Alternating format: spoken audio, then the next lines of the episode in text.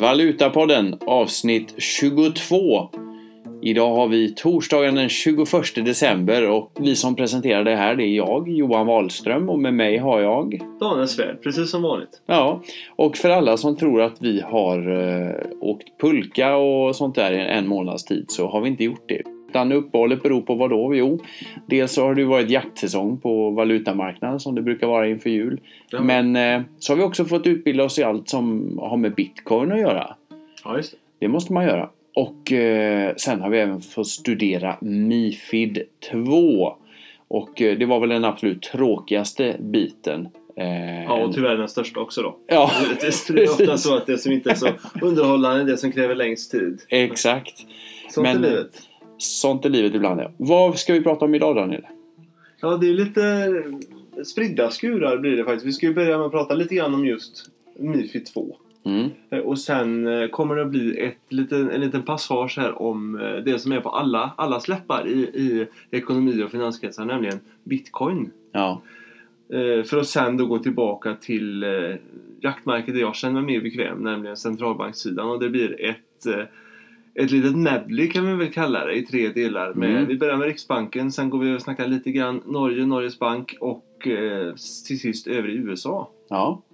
Och sen en hel hög med vad, hur man kan tänka sig eller hur vi ser på de här beskeden, händelsernas påverkan på valuta, valutamarknaden och olika valutapar och andra investeringsslag. Så Precis. det är lite utav dagens eh, agenda. Mm. Och eh, man får, eh, jag känner på mig någonstans att det kom- kommer bli ganska långt avsnitt. Men som bonus då så får man alla de här eh, vad vi tror om 2018 på, på slutet. Så det, det gäller att hålla ut hela avsnittet. Ja, precis. Men då drar vi väl igång. Eh, Mifid 2 Johan, vad, vad är det för någonting? Eh, Mifid är ju en lagstiftning som styr finansmarknaderna i Europa. Kan man säga. Eh, och eh, det kommer påverka allt och alla i ganska stor utsträckning inom bank och finans. Och eh, som jag sa innan så har vi läst på och vi har läst på och vi har läst på. Och vi inser att lagstiftningen eh, som blir, det, det är samma sak som att kräva resenär på dubbla pass, visum, uppehållstillstånd, åkpass, några miljoner i säkerhet för att korsa gränsen mellan eh, mellan Sverige och Skåne, eller på säga, men mellan Halland och Skåne. Eh, Så kort och gott, det krävs enorma resurser vad det gäller regelefterlevnad och, och, och lagstiftningen är liksom som en ganska stor plastpåse över huvudet på finansbranschen om du frågar mig. Mm. Och det kommer sakta kväva ganska många aktörer. Eh, Och den här regleringen, eh, för de som inte är insatta, det innebär egentligen fyra huvuddrag. Det är investerarskydd, det är interna och externa kontroller, avgiftstransparens och så är det också marknadsstruktur.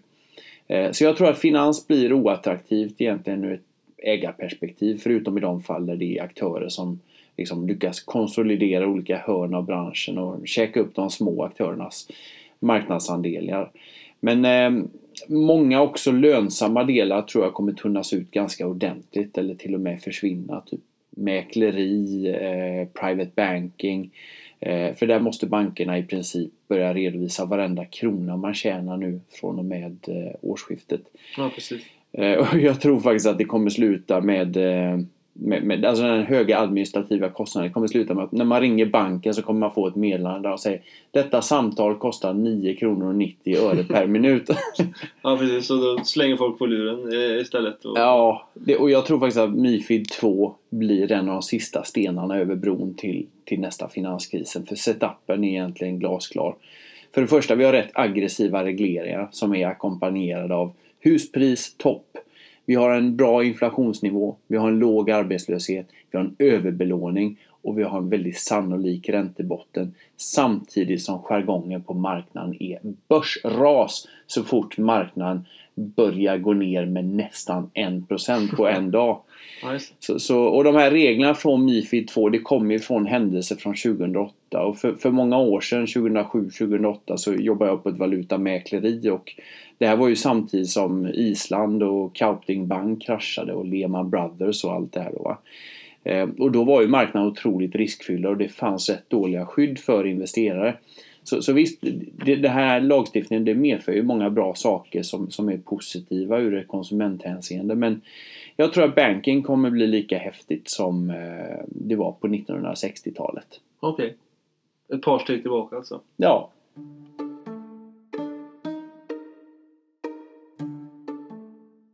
Alla största snackis då, just nu, eh, på alla to- tonårsbarns ön- önskelista står ju faktiskt bitcoin. mm. Vad, vad är det egentligen och varför har det blivit så hett just nu? jag har ingen aning faktiskt om jag ska vara ärlig. Nej men det, det, det är ju så sjukt. Men vi har ju tv- tvingats sätta oss in i det här vad det egentligen är. Du kan ju inte inleda med att säga att vi har utbildat oss om bitcoin och så första du säger att du vet inte vad det är. Nej men det är det vi har gjort. Vi, vi har inte förstått vad det är och varför det går upp så mycket. Nej. Men i och med att det har gått upp så mycket och alla frågar oss om det så måste vi läsa på. Ja, och då har vi lärt oss vad det är då. Men det är ju en, en kryptovaluta. En kryptovaluta det är ju det är liksom en valuta som inte ges ut av ett land eller av en stat. Det, det har liksom ingen legal tender. Och just bitcoin är ju den mest kända kryptovalutan och den har ju mång, mång, mång dubblats i värde. Och det är till och med att Aftonbladet pratar om det och man kan inte ens parkera bilen och betala parkeringen för att höra någon prata om liksom hur kan man betala parkeringsbiljetten i bitcoin. Ja, så, så, så nu måste vi prata om det och jag har säkert fått och du har väl säkert fått lika många förfrågningar, men sju, åtta förfrågningar bara på några veckor Absolut. om folk som tror att vi håller på med bitcoin. Men, men i själva verket har vi ignorerat det här ämnet ganska länge. Ända tills bitcoin exploderade några hundra procent bara på någon vecka och då kunde vi inte hålla oss längre. Men min erfarenhet av bitcoin är ju att eh, första gången jag hörde om bitcoin då kunde man ju köpa en bitcoin för kanske 10 cent. Eh, och andra gången jag reagerade på bitcoin det var, att, det var när den stod i paritet med dollarn. Alltså att den kostar en dollar. Eh, och idag så kostar den nästan 16 000 har varit- uppe nästan på 20 000 dollar. Och det här är ju en av de största uppgångarna. Eller det kanske är den största uppgången. Ja, jag kan inte minnas någonting Ja. på rak arm i alla fall. Ja, liksom- I mannaminne i alla fall, största uppgången. Ja, i, i något tillgångslag någonsin. Och det, det är ju fantastiskt tycker jag att se också vilka framgångar de har fått. Alla som har vågat investera i det här. Så det är bara att gratulera. Eh, men, men mitt intryck är att det här är ju en naturlig utveckling och liksom svar på hur penningpolitiken ser ut idag. För att jag förstår alla 90-talister som köper. Vi 80-talister vi är ju lite trögare men i skolböckerna på universitetet så står det idag att om en centralbank höjer räntan så gör de det för att ekonomin går bra. Och vad sker i verkligheten när de kommer ut de här nybakade studenterna? Jo, om en centralbank sänker räntan och lägger den på minus, då gör de det även när ekonomin går bra. Mm. Och, och man blir ju jätteförvirrad va? Och det är inte bara ny, nyutexade studenter som blir förvirrade utan det är, det är många andra, även mer ärrade Ja, ja. ekonomer. så Ja, ja, det är ju...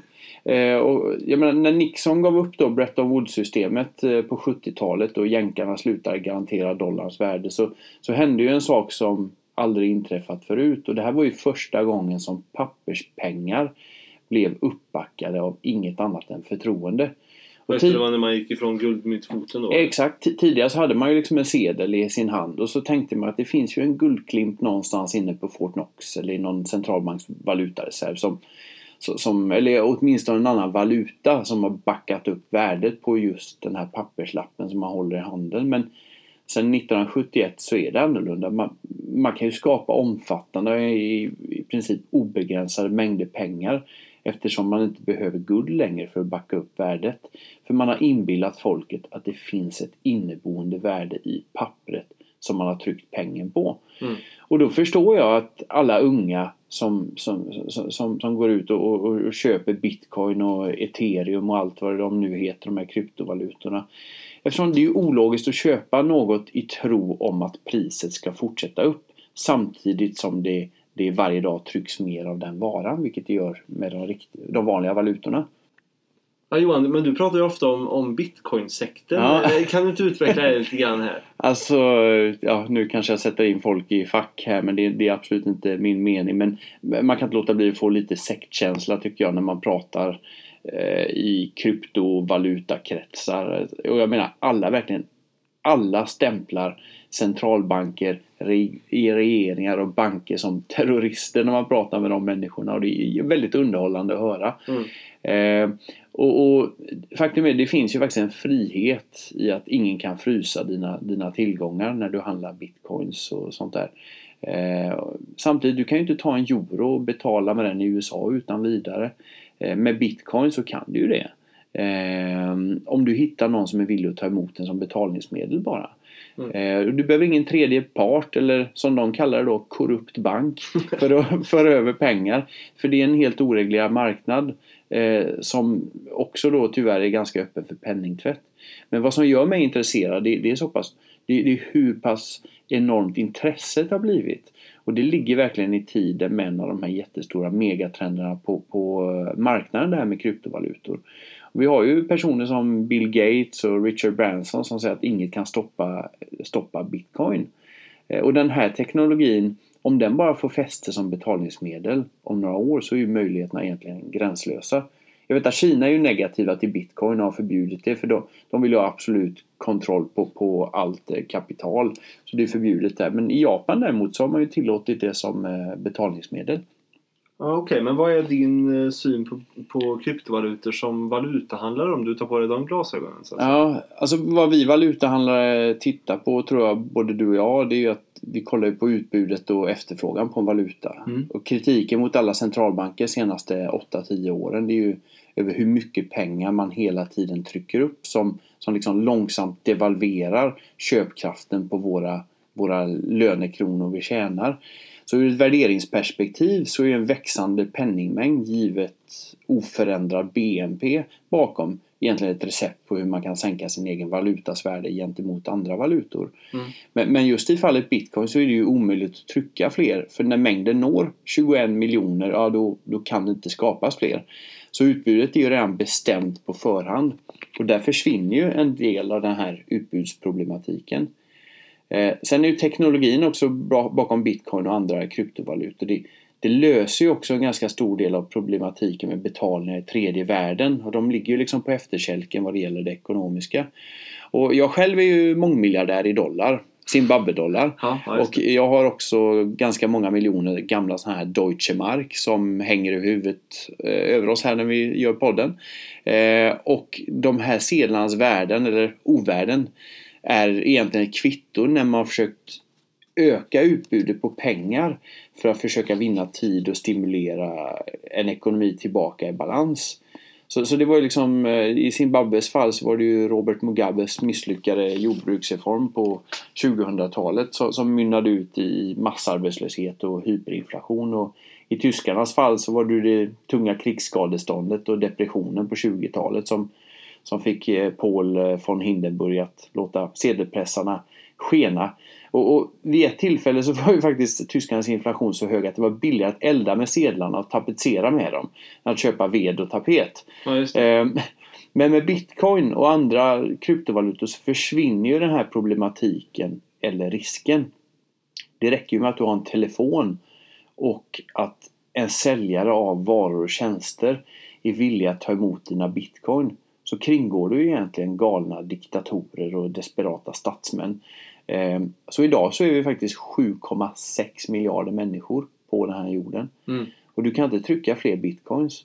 Men om alla långsamt börjar se fördelar med tekniken, vad händer då med värdet egentligen på kryptovalutor? Om alla inser fördelarna över det traditionella valutasystemet. Ja, det går ju rimligen rakt upp. Det borde göra det va? Men då borde man väl egentligen tokköpa kryptovalutor? Eller finns det några alltså, tydliga risker som du ser som, som väger, väger åt andra hållet så att säga? Eh, alltså vad jag har ett jättestort problem med det är säkerheten bakom kryptovalutor och det är värt att varna folk om som sitter och lyssnar på det eller som sitter och handlar kryptovalutor. Eh, I förra veckan så var det en börs i Hongkong som blev hackad och bestulen på alla sina bitcoins och de har väl gått i konkurs nu.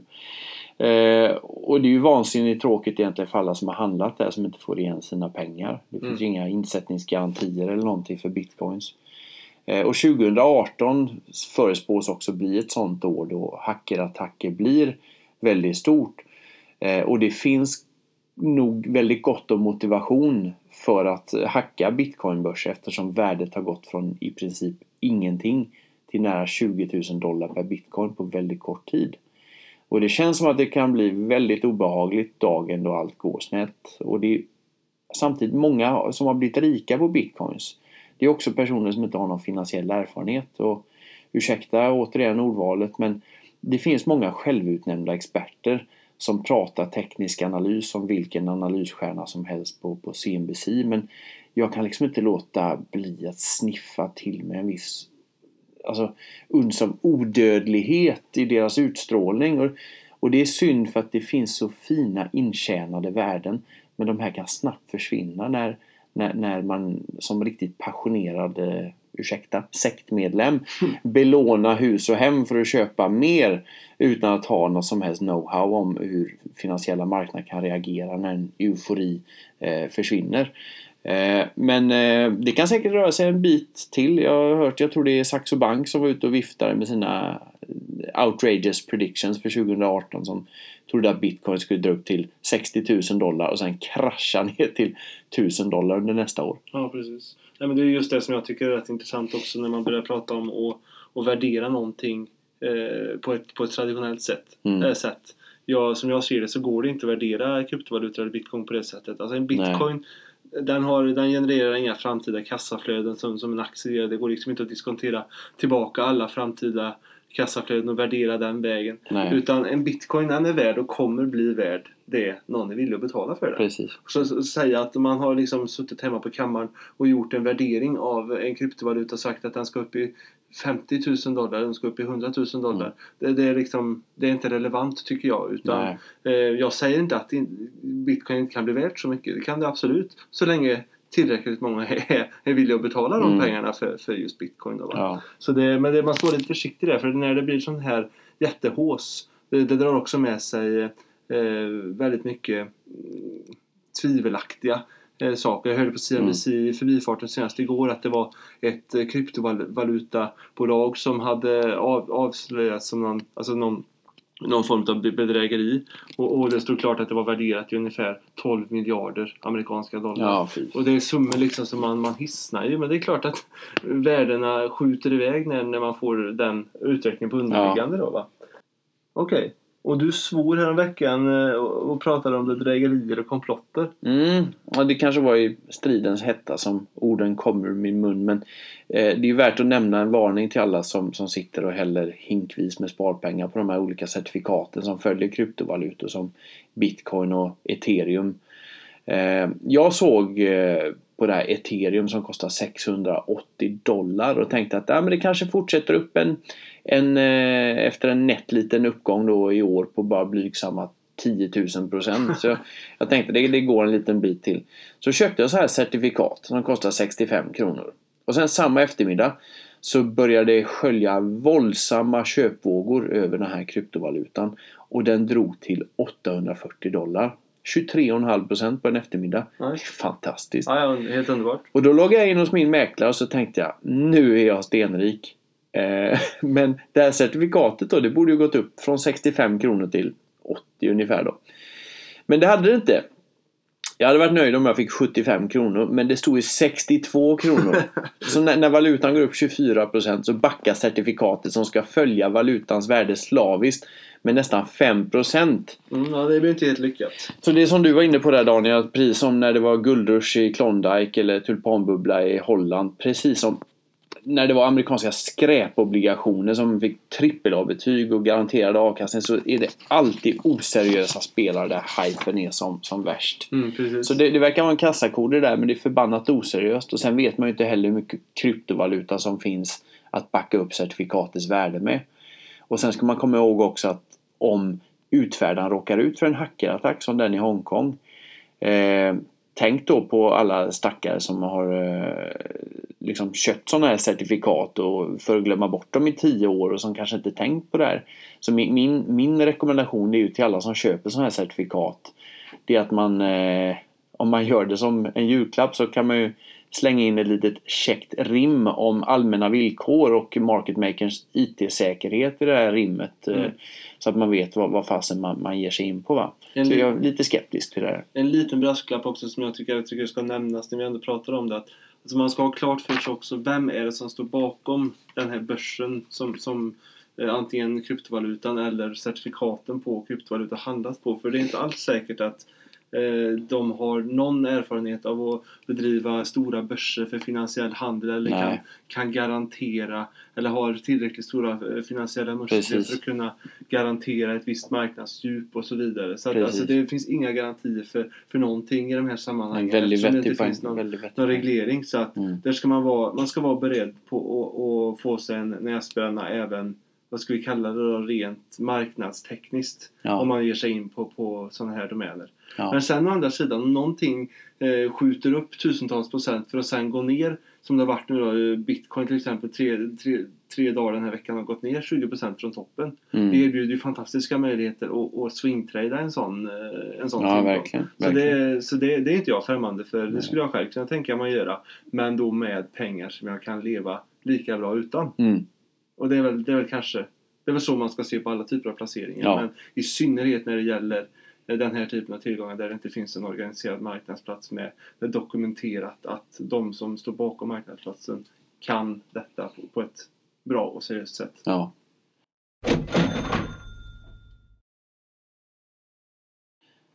Nästa grej då, vanliga valutor kan vi prata lite grann om också. Och eh, då har ju Riksbanken haft ett eh, räntebesked här ganska nyligen. Ja. Och Daniel, du är vår riksbanksexpert. Vad, vad, vad var det viktigaste från, eh, från gårdagens riksbanksbesked? Ja, vi summerar upp här lite grann. Vi, vi gör som motsatt vad vi brukar så börjar vi, börjar vi med det som var eh, mest färskt i minnet och så går vi, går vi bakåt så att säga. Vi Mm. börjar med Riksbanken och sen så vandrar vi mot, mot Lucia. Eh, igår då, Riksbanken, eh, man lämnar styrräntan och eh, sin räntebana oförändrad. Man upprepar att eh, styrräntan kommer börja höjas i långsam takt i mitten på nästa år. Mm. Så att det, det är ju ganska positivt att, att man är på, på den banan så att säga. Att eh, man tänker sig börja normalisera ränteläget eh, inom ja, drygt sex månader då kan man väl säga. Eh, som det ser ut just nu när det gäller eh, sitt stimulansprogram, trycka pengar-program. Eh, man har ju tryckt väldigt mycket pengar, eller skapat nya pengar för att köpa mycket svenska obligationer. Mm. Och eh, det programmet löpte ut nu eh, årsskiftet eh, 17-18. Eh, och man har beslutat att inte förlänga det med, med alltså att man hakar i nästa etapp av eh, QE eller stimulansprogrammet. I likhet med som ECB har gjort och även, Ja. även Japan då när, när ett löper ut så förlänger man med nästa. Det var ju Mm. som USA, amerikanska centralbanken hade ju, var ju världsmästare i och det var Q1 och Q2 och Q3 och Operation Twist och en massa bokstavslekar och förkortningar med, med, med bokstäver efter Mm. för att egentligen bara säga en samma sak att vi, vi tänker oss att stimulera marknaden med ännu mer uttryckta pengar. Ja. Men eh, Riksbanken kommer inte att, att utöka sitt, eh, sitt program. Eh, däremot så har man fattat beslutet att börja återinvestera kup- kuponger och eh, obligationer som förfaller från Riksbankens eh, befintliga eh, obligationsportfölj. Mm. Man kommer alltså börja återinvestera det som, det som kommer att förfalla. Jag Ja. kommer in på det lite mer, eh, lite mer senare men kort, i korthet så är det så att eh, som Riksbankens eh, obligationsportfölj ser ut så sker det inga förfall under 2018. Men däremot så, så kommer det betydande förfall under inledningen på 2019 för då är det cirka 50 miljarder eller ett värde, obligationer till ett värde av eh, cirka 50 miljarder svenska kronor eh, som, som, som, går, som löper ut som förfaller helt enkelt. Mm. Och även 15, 15, eh, 15 miljarder svenska kronor i kupong, kuponger. Mm. Så att det är total volym på 65 miljarder under första halvåret 2019. Mm. Och då, eh, då resonerar man så här att om man, om man då inte skulle göra någonting nu och vänta med att återinvestera tills förfallen faktiskt har ägt rum. Man gör ingenting under ett år och sen så gör man det under första, halv- eh, kontinuerligt under första halvåret 2019. Så, så skulle det bli en väldigt, eh, eller som Ingves uttryckte sig igår, en onödigt ryckig marknadspåverkan från, från eh, Riksbankens Mm. obligationsoperationer eh, på, på svenska obligationsmarknaden. Så därför så har man bestämt sig för att redan med start direkt efter årsskiftet, alltså i början på 2018, börja återinvestera de förfall och kuponger som kommer i framtiden. Ja. Så det är Ja, ganska... eh, Så, så egentligen, okej, så man, man förlänger inte Eh, man förlänger inte stimulansprogrammet. Men resultatet blir detsamma. Storleken på Riksbankens eh, obligationsportfölj och mängden nya pengar som man öser ut på, på marknaden ökar. Mm. Eh, men i det här fallet då tillfälligt. Eh, eftersom ja, det är ju tänkt att det ska eh, steriliseras då, eller som det heter, eller att man eh, ne- neutraliserar det i, i, sen i 2019 då. Så Ja. att, och balansomslutningen på, på, på obligationsportföljen minskar igen då. Det här är ju ganska kontroversiellt för att eh, man, man går in och, och, och gör saker i förväg så att säga och det var också ganska tydligt för det var två stycken utav eh, Riksbanks, Riksbanksledamöterna som eh, reserverade sig kraftigt mot, mot det här. Man ville inte göra det, man ville avvakta och se. Eh, och det var, var Martin Flodén och eh, Henry Olsson Mm. som, som tyckte att man lika gärna kunde vänta och se eh, vilket behov som fanns för att, för att gasa på med mer, mer nytryckta pengar helt enkelt. Okej, men vad, vad kommunicerar man eh, när det gäller Riksbankens egna ekonomiska prognoser? Ja, Riksbankens inflationsprognos eh, skrivs upp marginellt för de kommande två åren. Mm. Eh, Och det är främst om man tittar på det nya favoritmåttet KPIF eh, som, som vi pratar om då. Eh, Men däremot så skriver man ner eh, tillväxtprognosen för svensk ekonomi ganska rejält för innevarande år. Man går från alltså tidigare prognos på att det skulle landa då för 2017 på, på 2,9 i årstakt så Mm. skriver man ner det till 2,5. Så man, man skalar av 0,4. Ja. Eh, och för 2019 så, så skriver man också ner lite grann från tidigare 1,9% till 1,7%. Så man förväntar sig inte lika bra sprutt i, i ekonomin. Eh, 18, 2018 var av någon anledning oförändrat. Man förväntar Mm. sig samma som man förväntade sig tidigare eh, när det gäller det. Men vi, i övrigt så konstaterar man att svensk ekonomi, svensk kon- konjunktur är urstark. Ekonomin går, går väldigt bra och i synnerhet sysselsättningen eh, är man väldigt nöjd med utvecklingen. Mm. Och nästan som att Ingves slog sig för bröstet li- lite igår när han eh, konstaterade att eh, sysselsättningsgraden i svensk ekonomi är högst i hela EU. ja, det är bra. Och det är, och det är inte så dumt. Men när det gäller Och ändå har vi negativ ränta. Ja, precis. Så det, det är ju ja, omvända världen kan jag väl kalla det kanske. Och som vanligt då så, så konstaterar man att eh, valutakursprognoser är notoriskt svårt och att svensk krona har gått betydligt svagare än vad Riksbanken själva har räknat med Mm. eh, den ja, närmast föregående tiden. Eh, Men framöver så räknas man, räknar man som vanligt med att kronan kommer att sakta stärka sig. För det är det man vill. Mm. Och, det, och det, det är också deras prognos att från dagens nivåer så, så, så, ska, så ska den egna valutan stärka sig eh, lugnt och fint. Mm. Det här med valutautvecklingen då som vi huvudsakligen kollar på. Vad, vad kan du dra för växlar av det här räntemötet vad, om man kollar på den svenska kronan? Ja, och då kan vi fortsätta där och bara haka i helt enkelt. För eh, man återupprepar samtidigt att eh, den egna valutan, alltså svensk krona, får absolut inte förstärka sig för fort. För det är ett hot Nej. mot att eh, inflationen i svensk ekonomi blir kvar vid, vid målet. Det, det har vi hört förut, så det, det, det är inget nytt. Eh, och, och man upprepar också att man står redo att göra eh, penningpolitiken ännu mer expansiv. Alltså Mm. sänka räntan, ännu, göra den ännu mer negativ. Eller återaktivera eh, sedelpressen för att köpa mer, eh, mer statspapper Mm. ifall så skulle behövas. Eh, om, om det då skulle visa sig att man trots allt inte vunnit slaget om inflationen om man skulle uttrycka sig på det sättet. Mm. Eh, Men den, den senaste tiden, om man tittar ur, som Sverige ur ett valutaperspektiv, då måste vi också titta, titta utåt. För det är inte bara Sve- Sverige och inhemska aktörer som styr utan det finns ju väl, även väldigt stora utländska eh, aktörer och Mm. intressen, alltså som har intressen i Sverige.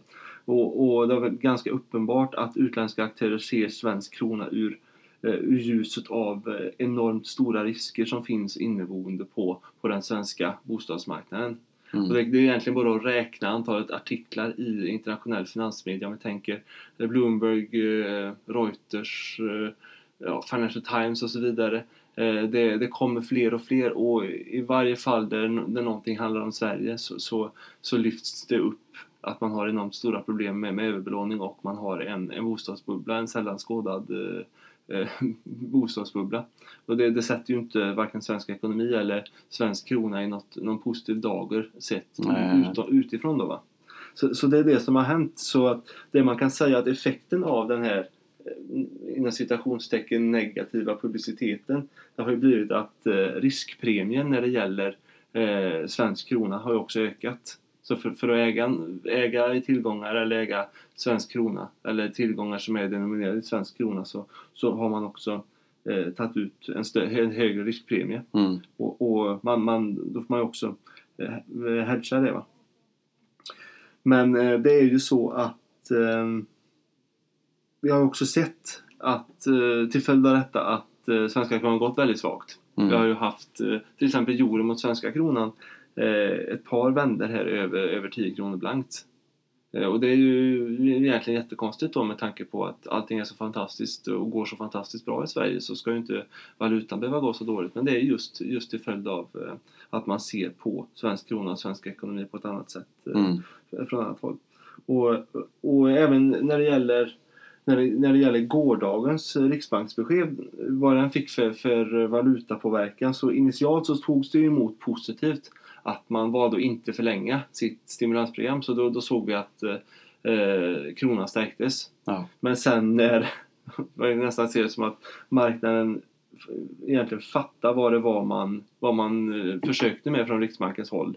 Att man bakvägen eh, ändå kommer att stimul- stimulera eh, Mm. redan under, eh, alltså under hela 2018. Fast man kallar det något annat. Man kallar det återinvesteringar för framtida eh, återinvesteringar av framtida kuponger och förfall istället för, Mm. för eh, renodlad QE. Så, så eh, blir det ganska tydligt att eh, den här eh, temporära förstärkningen av svenska kronan inte skulle hålla i sig. Mm. Och idag har vi Eurosec återigen uppemot eh, 10 kronor blankt. Ja. Eh, ja, eh, 10 kronor blankt eh, efter att det går och handlas en bra bit under, under 9,90. Mm. Så det, det har varit ganska stora, eh, ganska stora rörelser. Norges bank har ju också precis haft eh, räntebesked tyckte jag var väldigt kul. Vad, vad hände där egentligen? Ja, just det. det var, jag ser ju lite norska kronan som... ja, Med risk för att bli tjatig. Men jag ser, just nu så ser jag eh, norska kronan som valutamarknadens skämt. Mhm. För det är, det är någonting som inte är som det har varit förut. Någonting sitter inte ihop. Det, det, det, är, något, det är något väldigt skevt här. För vi ser att det som vanligen brukar diktera hur norska kronan går är ju oljepriset och utvecklingen där. Eh, Och norska kronan tog oerhört mycket stryk när, eh, när oljepriset eh, åkte rakt söderöver eh, för något år sedan. Mm. Eh, och, men det har inte det har, den, den eh, utvecklingen har liksom inte vänt på sig i takt med att oljepriset har kommit upp igen. Utan på något sätt så handl- handlas fortfarande norska kronan med eh, på de nivåerna som var när, när oljan kostade hälften så mycket som den gör idag. Mm. Eh, samtidigt som, alltså vi har ett oljepris då som ligger i, dagsläget runt 60, 64 dollar om vi tittar på Brent då. Eh, 64 dollar per fat och norsk ekonomi utvecklas starkt eh, och eh, för, förra veckan så chockade, eh, en minichock i alla fall från Norges bank när man valde att gå in och höja den norska räntebanan och säga att vi kommer, börja, vi kommer troligen att börja höja styrräntan i, för norsk ekonomi tidigare än vad, vad, Mm. vad, som varit, vad, vad man har trott eh, innan då så att säga. Va? Och trots detta så, så trots alla de här faktorerna som egentligen pekar åt rätt håll för Norge både när det gäller penningpolitiskt och eh, realekonomiskt så, så är norska kronan en av de valutorna som utav de valutorna vi analyserar så är det den valutan som har utvecklats absolut sämst. Alltså Mm. utan konkurrens. Vi har, alltså, vi har vi hade, eller vi har eh, norska mot svenska kronan under paritet Mm. eh, idag. Och det, det, det vill säga att en svensk krona kostar mer än vad en norsk gör. Och då ska vi också ha i åtanke att svenska kronan har absolut inte gått starkt. Nej, nej. Tvärtom.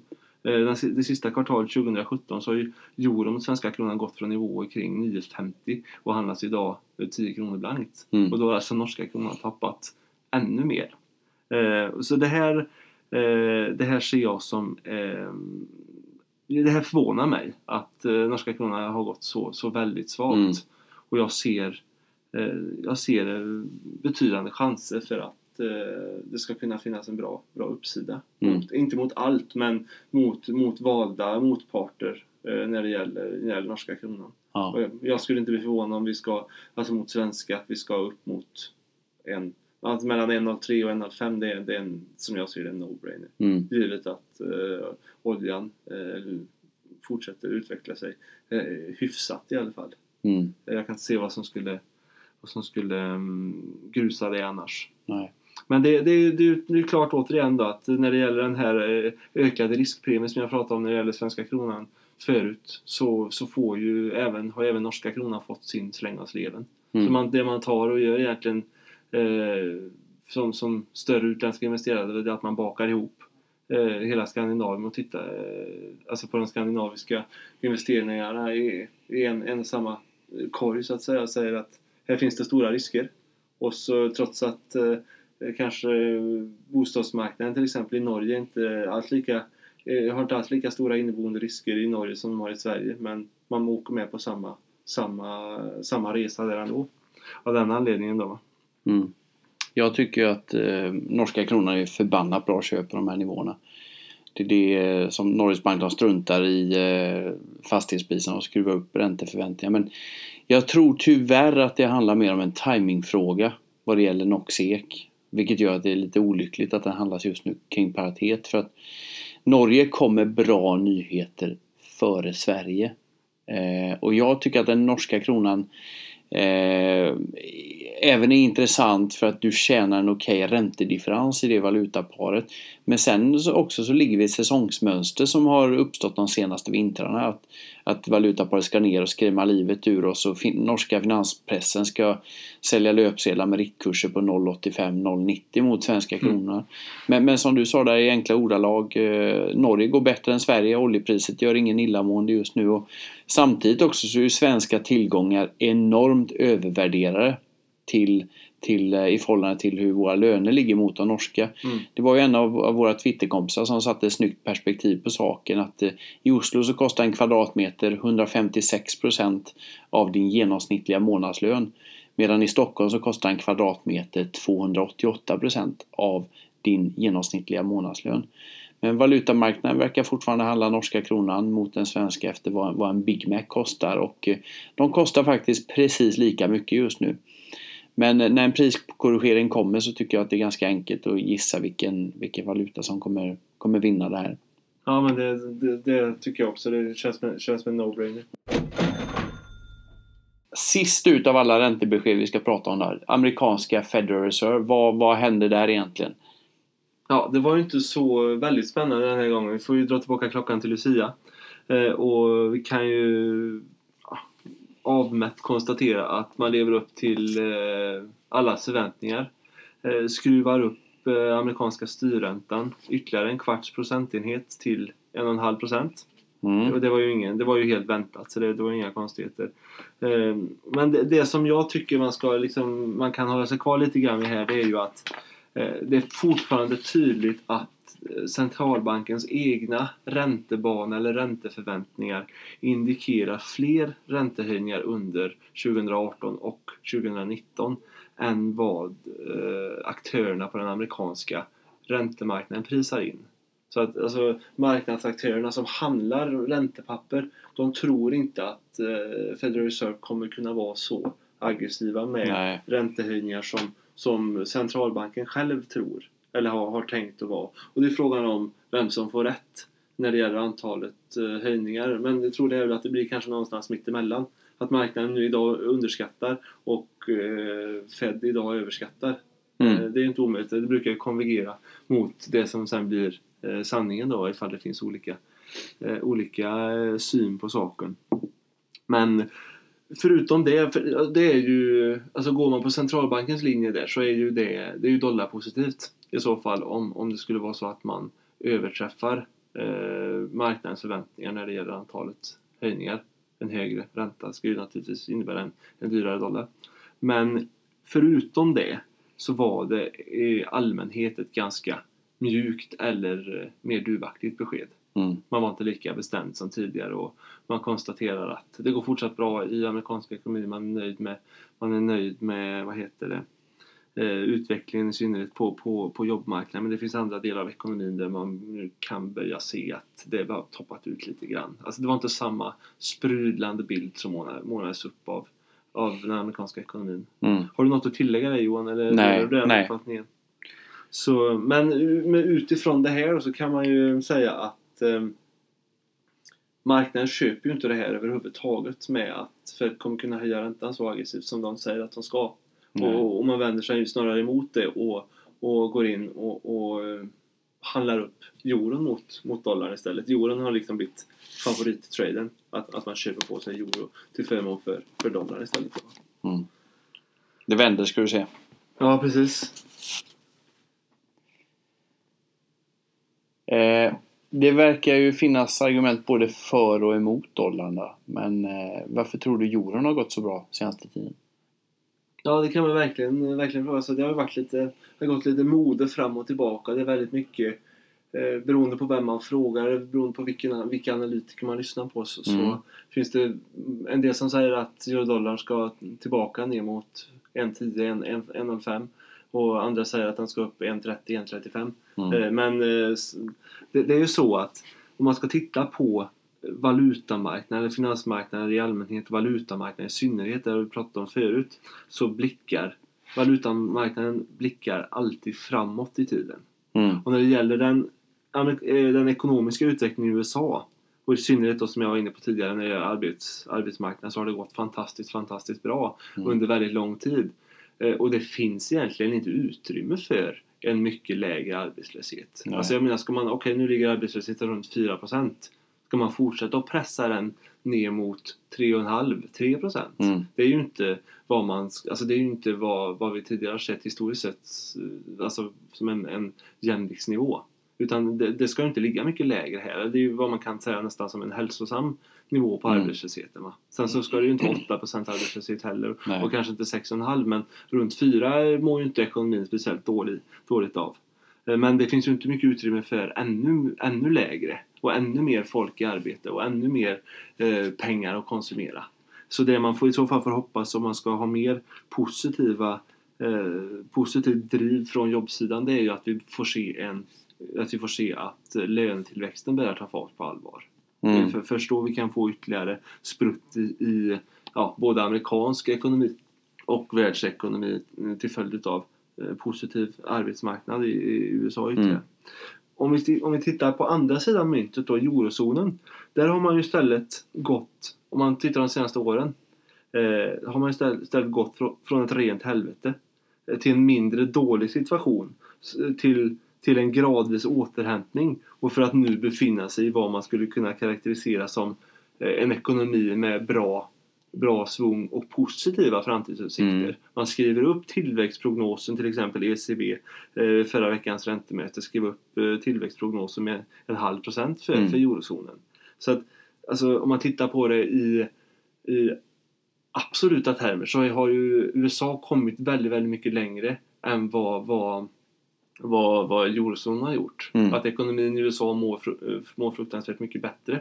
Eh, Och, men man ska också ha med sig att det finns ju betydligt mycket mer utrymme för en framtida förbättring Ja. i fallet Europa än vad det gör i USA med tanke på att USA har redan gått så bra under, under eh, längre tid, tid tillbaka då va? Jag tror att jag kommer motsäga dig Ja, okej. en liten stund. Ja men det, det går jättebra. Ja.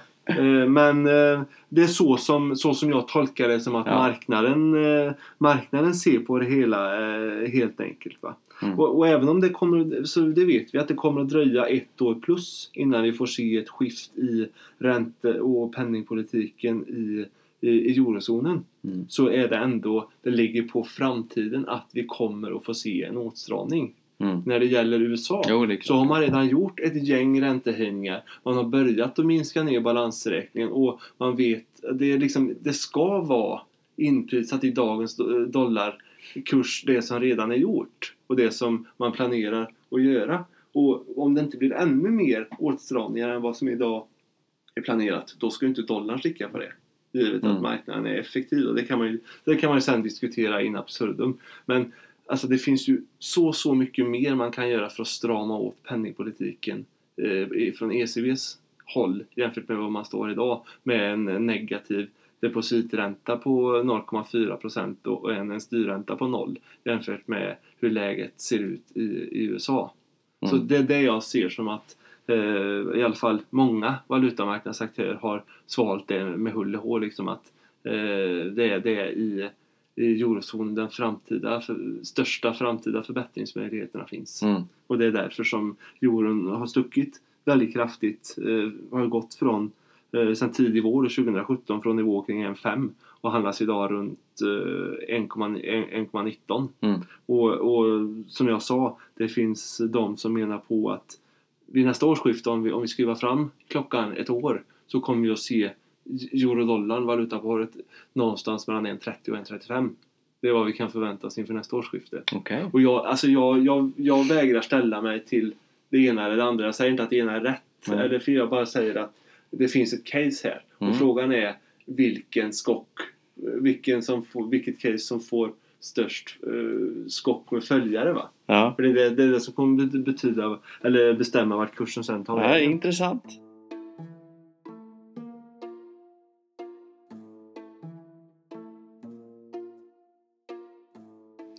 Nej, okej, men om vi ska titta på lite tidiga, tidiga nyårskaramell då, lite intressanta investeringscase som vi har eh, span på. Mm. Jag har ju bara ett då, men du har ju, du har ju en hel, ett helt fot, fotbollslag så du kan ju få börja.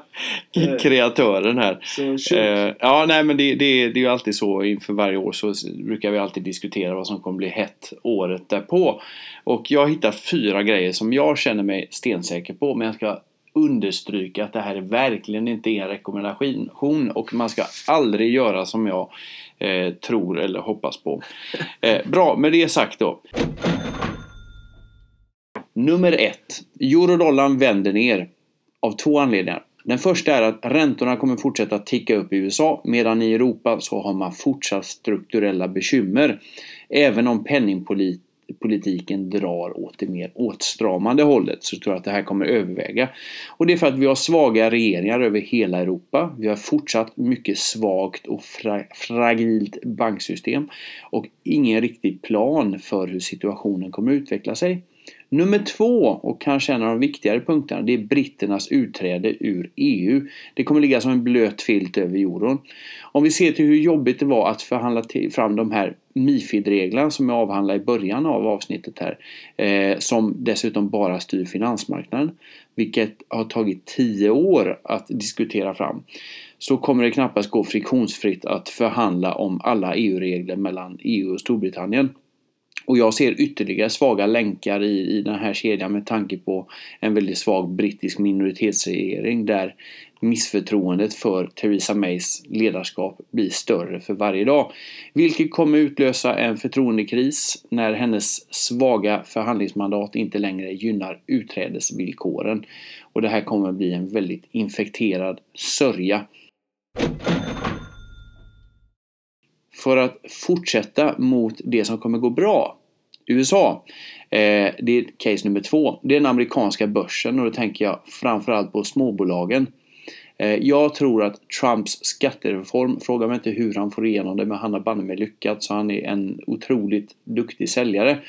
Eh, och skattereformen är kanske inte så orättvis som alla tror. Man sänker ju skattesatsen från 35 ner till 20% är budet. Eh, och kritiken ligger i att det, det gynnar de, de allra rikaste. Men faktum är att den effektiva skattesatsen idag ligger på 20%. Okej. Och det är alla bjässar, typ Apple och, och de här. De kan ju flytta runt sina vinster och har arméer av jurister som jobbar för att slimma ner det skattepliktiga resultatet. Mm. Så i mina ögon så blir det här en jämställning egentligen av konkurrensen mot de mindre bolagen som kanske inte har samma möjlighet och som kanske bara är verksamma i Nordamerika. Så det här är fruktansvärt positivt för småbolagen. Mm. Nummer tre och det är japanska börsen. Den når 30 000 nästa år. Den ligger i 22-23 000 idag. Mycket. Ja, och det är premiärministern Shinzo Abe. Han har ju sin supermajoritet som vi har diskuterat i tidigare avsnitt som man kan lyssna på. Och han har en jättelik strukturreform som kommer ge stor kraft till marknaden. Eh, och vi har en ganska stor tillströmning av pensionärer också på den japanska marknaden som konstigt nog kommer gynna börsen. Men grejen är det att det hör till hur Bank of Japan hanterar sin penningpolitik. Och eh, man ska nå inflationsmålet oavsett vad. Och en del i det här är att pumpa in likviditet i alla hörn av marknaden. Och japanska centralbanken är fullkomligt orädd till att intervenera. Idag så äger man ungefär 75% av alla japanska börshandlade fonder. Och minsta utsikt för deflation eller oro eller hot mot ekonomin gör centralbanken köper för allt de är värda. Eh, och man är även också medveten om paradigmskiftet i, på den amerikanska marknaden och att jänkarna försöker bli mer lokalt handelsorienterade. Och det här gör ju också att det, det, man gör en väldigt stor ansträngning för den japanska exporten. Men japanerna är ju handelskraftiga och jag är ganska säker på att vi kommer se en gradvis depreciering av japanska yenen. Särskilt när Trump får igenom det här eh, skattepaketet. Och det här kommer dels driva eh, Eh, börsen fortsatt uppåt och eh, även göra att dollar yen kursen går från dagens 113 till 150 yen för varje dollar. Eh, mitt fjärde case, det kommer inte svenskarna gilla, men det handlar om svenska OMX-index. Jag tror att det kommer kollapsa någon gång under årets första fyra månader. Och vi har en skenande kreditcykel i Sverige och vi har varit inne på många gånger tidigare i podden att eh, Sveriges BNP-tillväxt drivs av fasta bruttoinvesteringar. Så högre räntor, överbelåning, Stockholmssjuka på fastighetsmarknaden eh, kommer leda till minskade investeringar, alltså capex. Eh, och byggandets skräputveckling lär fortsätta sin trend tror jag under 2018. Och det är även lite intressant att även George Soros har börjat korta eh, svenska bostadsutvecklare på börsen. Mm. Vilket aldrig är en positiv signal. Nej, Daniel, om jag säger till dig att det står ett lejon i farstun och jag säger att han ska äta upp det, då tar du bakvägen ut. Ja. Och samtidigt så tror jag att Riksbanken kommer att inse, precis som Norges bank, att man inte är Europa och att man måste därmed växla över till en högre ränta. Ja, och det var precis, jag hade tänkt jag skulle sagt det lite grann förut men ja. jag, jag hann inte det. Initialt i början på året så tror jag att EuroC kommer ligga högre än vad den ligger nu, runt 10 kronor. Men valutamarknaden är mean reverting, alltså den tenderar glida tillbaka till gamla medelvärden. Och jag tycker att uppgången till 10 kronor plus är fullkomligt omotiverad. Kronan kommer stärka sig tillbaka till 9.30-9.40 vilket missgynnar exporten och kommer vara en trigger till att börsen kommer falla. Daniel, vad har du för intressant case inför nästa år? Jag tänkte att jag ska börja på, på eh, i domäner där som har varit väldigt, eh, väldigt uppmärksammade här under 2017 och det handlar just om det här med volatiliteten på världens finansmarknad. Det har varit rekordlåg volatilitet. Det, det har nästan inte gått och, alltså VIX har handlats ner eh, till nivåer som sällan skådade. Mm. Så, som, så som saker och ting börjar se ut nu, alltså det, istället för att fokusera på maximala stimulanser från världens världens centralbanker så börjar centralbank efter centralbank att fasa över mot mindre stimulanser och marginellt högre räntor. Eh, och det kommer också innebära att eh, kreditförhållandena eh, på världens finansmarknad kommer bli tajtare. Mm. Och det kommer bli lite mindre tillgång till billiga pengar. Ja. Vilket gör att i händelse av riskevent eller när det händer någonting oförutsett på marknaden så blir marknaden också lite mindre förlåtande. Mm. Eh, det, det, finns inte samma krockkudde helt enkelt i, det finns inte lika mycket, eh, samma berg av pengar att ta för att, för att, för att och, och, som agerar krockkudde mot oförutsedda händelser. Och då menar jag att eh, den här låga volatiliteten som vi har sett, alltså där VIX ligger till och med i vissa, vissa tidsperioder en bra bit under, under 10 Eh, det kommer vi inte att få se utan vi kommer att få se eh, betydligt dyrare eh, VIX-index. Ja, intressant. Det är under, under, i alla fall under delar av nästa år.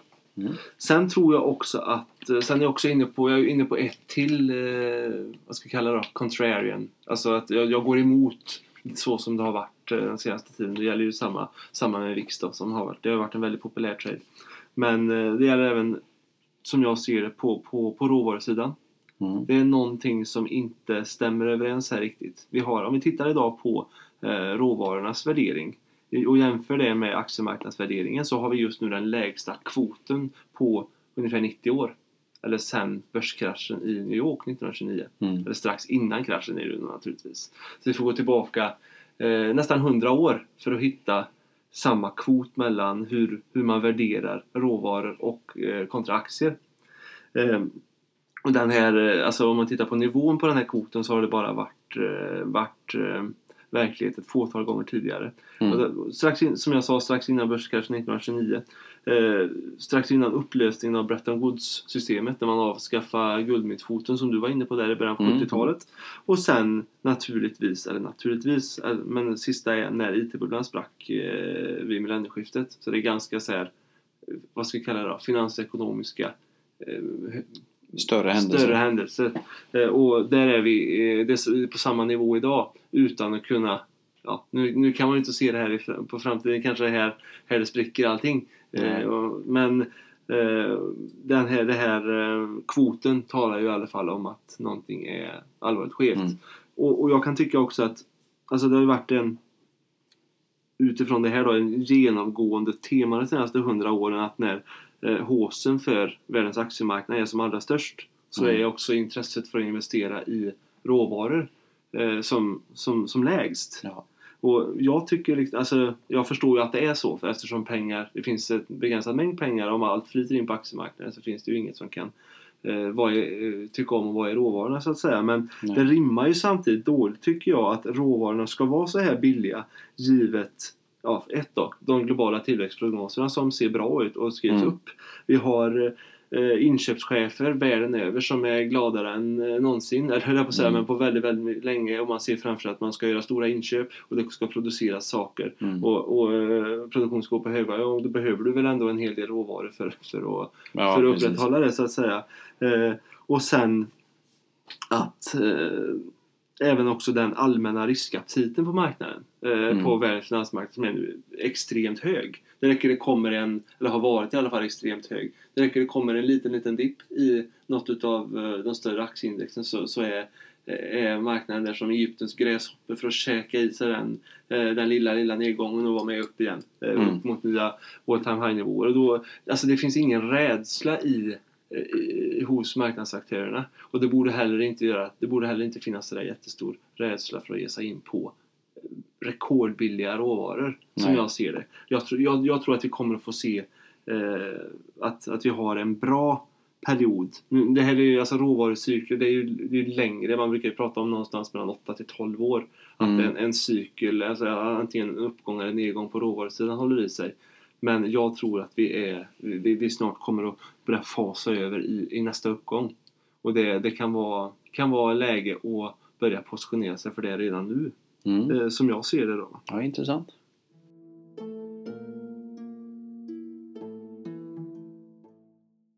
Vi hade ju tidigare avsnitt här en vädjan till våran kära utbildningsminister Gustav Fridolin. Mm. Eh, Hur var, har det hänt någonting där Johan på den sidan eller? Vi har, eh, det var 8 november, vi tog kontakt med dem efter att vi gjorde det poddavsnittet och har mycket sakligt framlagt vad, vad syftet var med den kontakten, att vi vill hjälpa till att utbilda dagens ungdomar i eh, ekonomi och eh, vad man inte ska göra skuldsättningsmässigt sett. Eh, och eh, vi har fått svar att de kommer ta kontakt med oss. Så vi, eh, vi avvaktar. Vi hoppas att ha ett bra svar till alla lyssnare här efter julledigheten. Så så ligger vi till just nu. Ja, just det. Ja, men då återstår det väl lite mer än att önska alla mycket trevliga helgfirande. Alltså en riktigt god jul och ett gott nytt år. Ja, god jul och gott nytt år!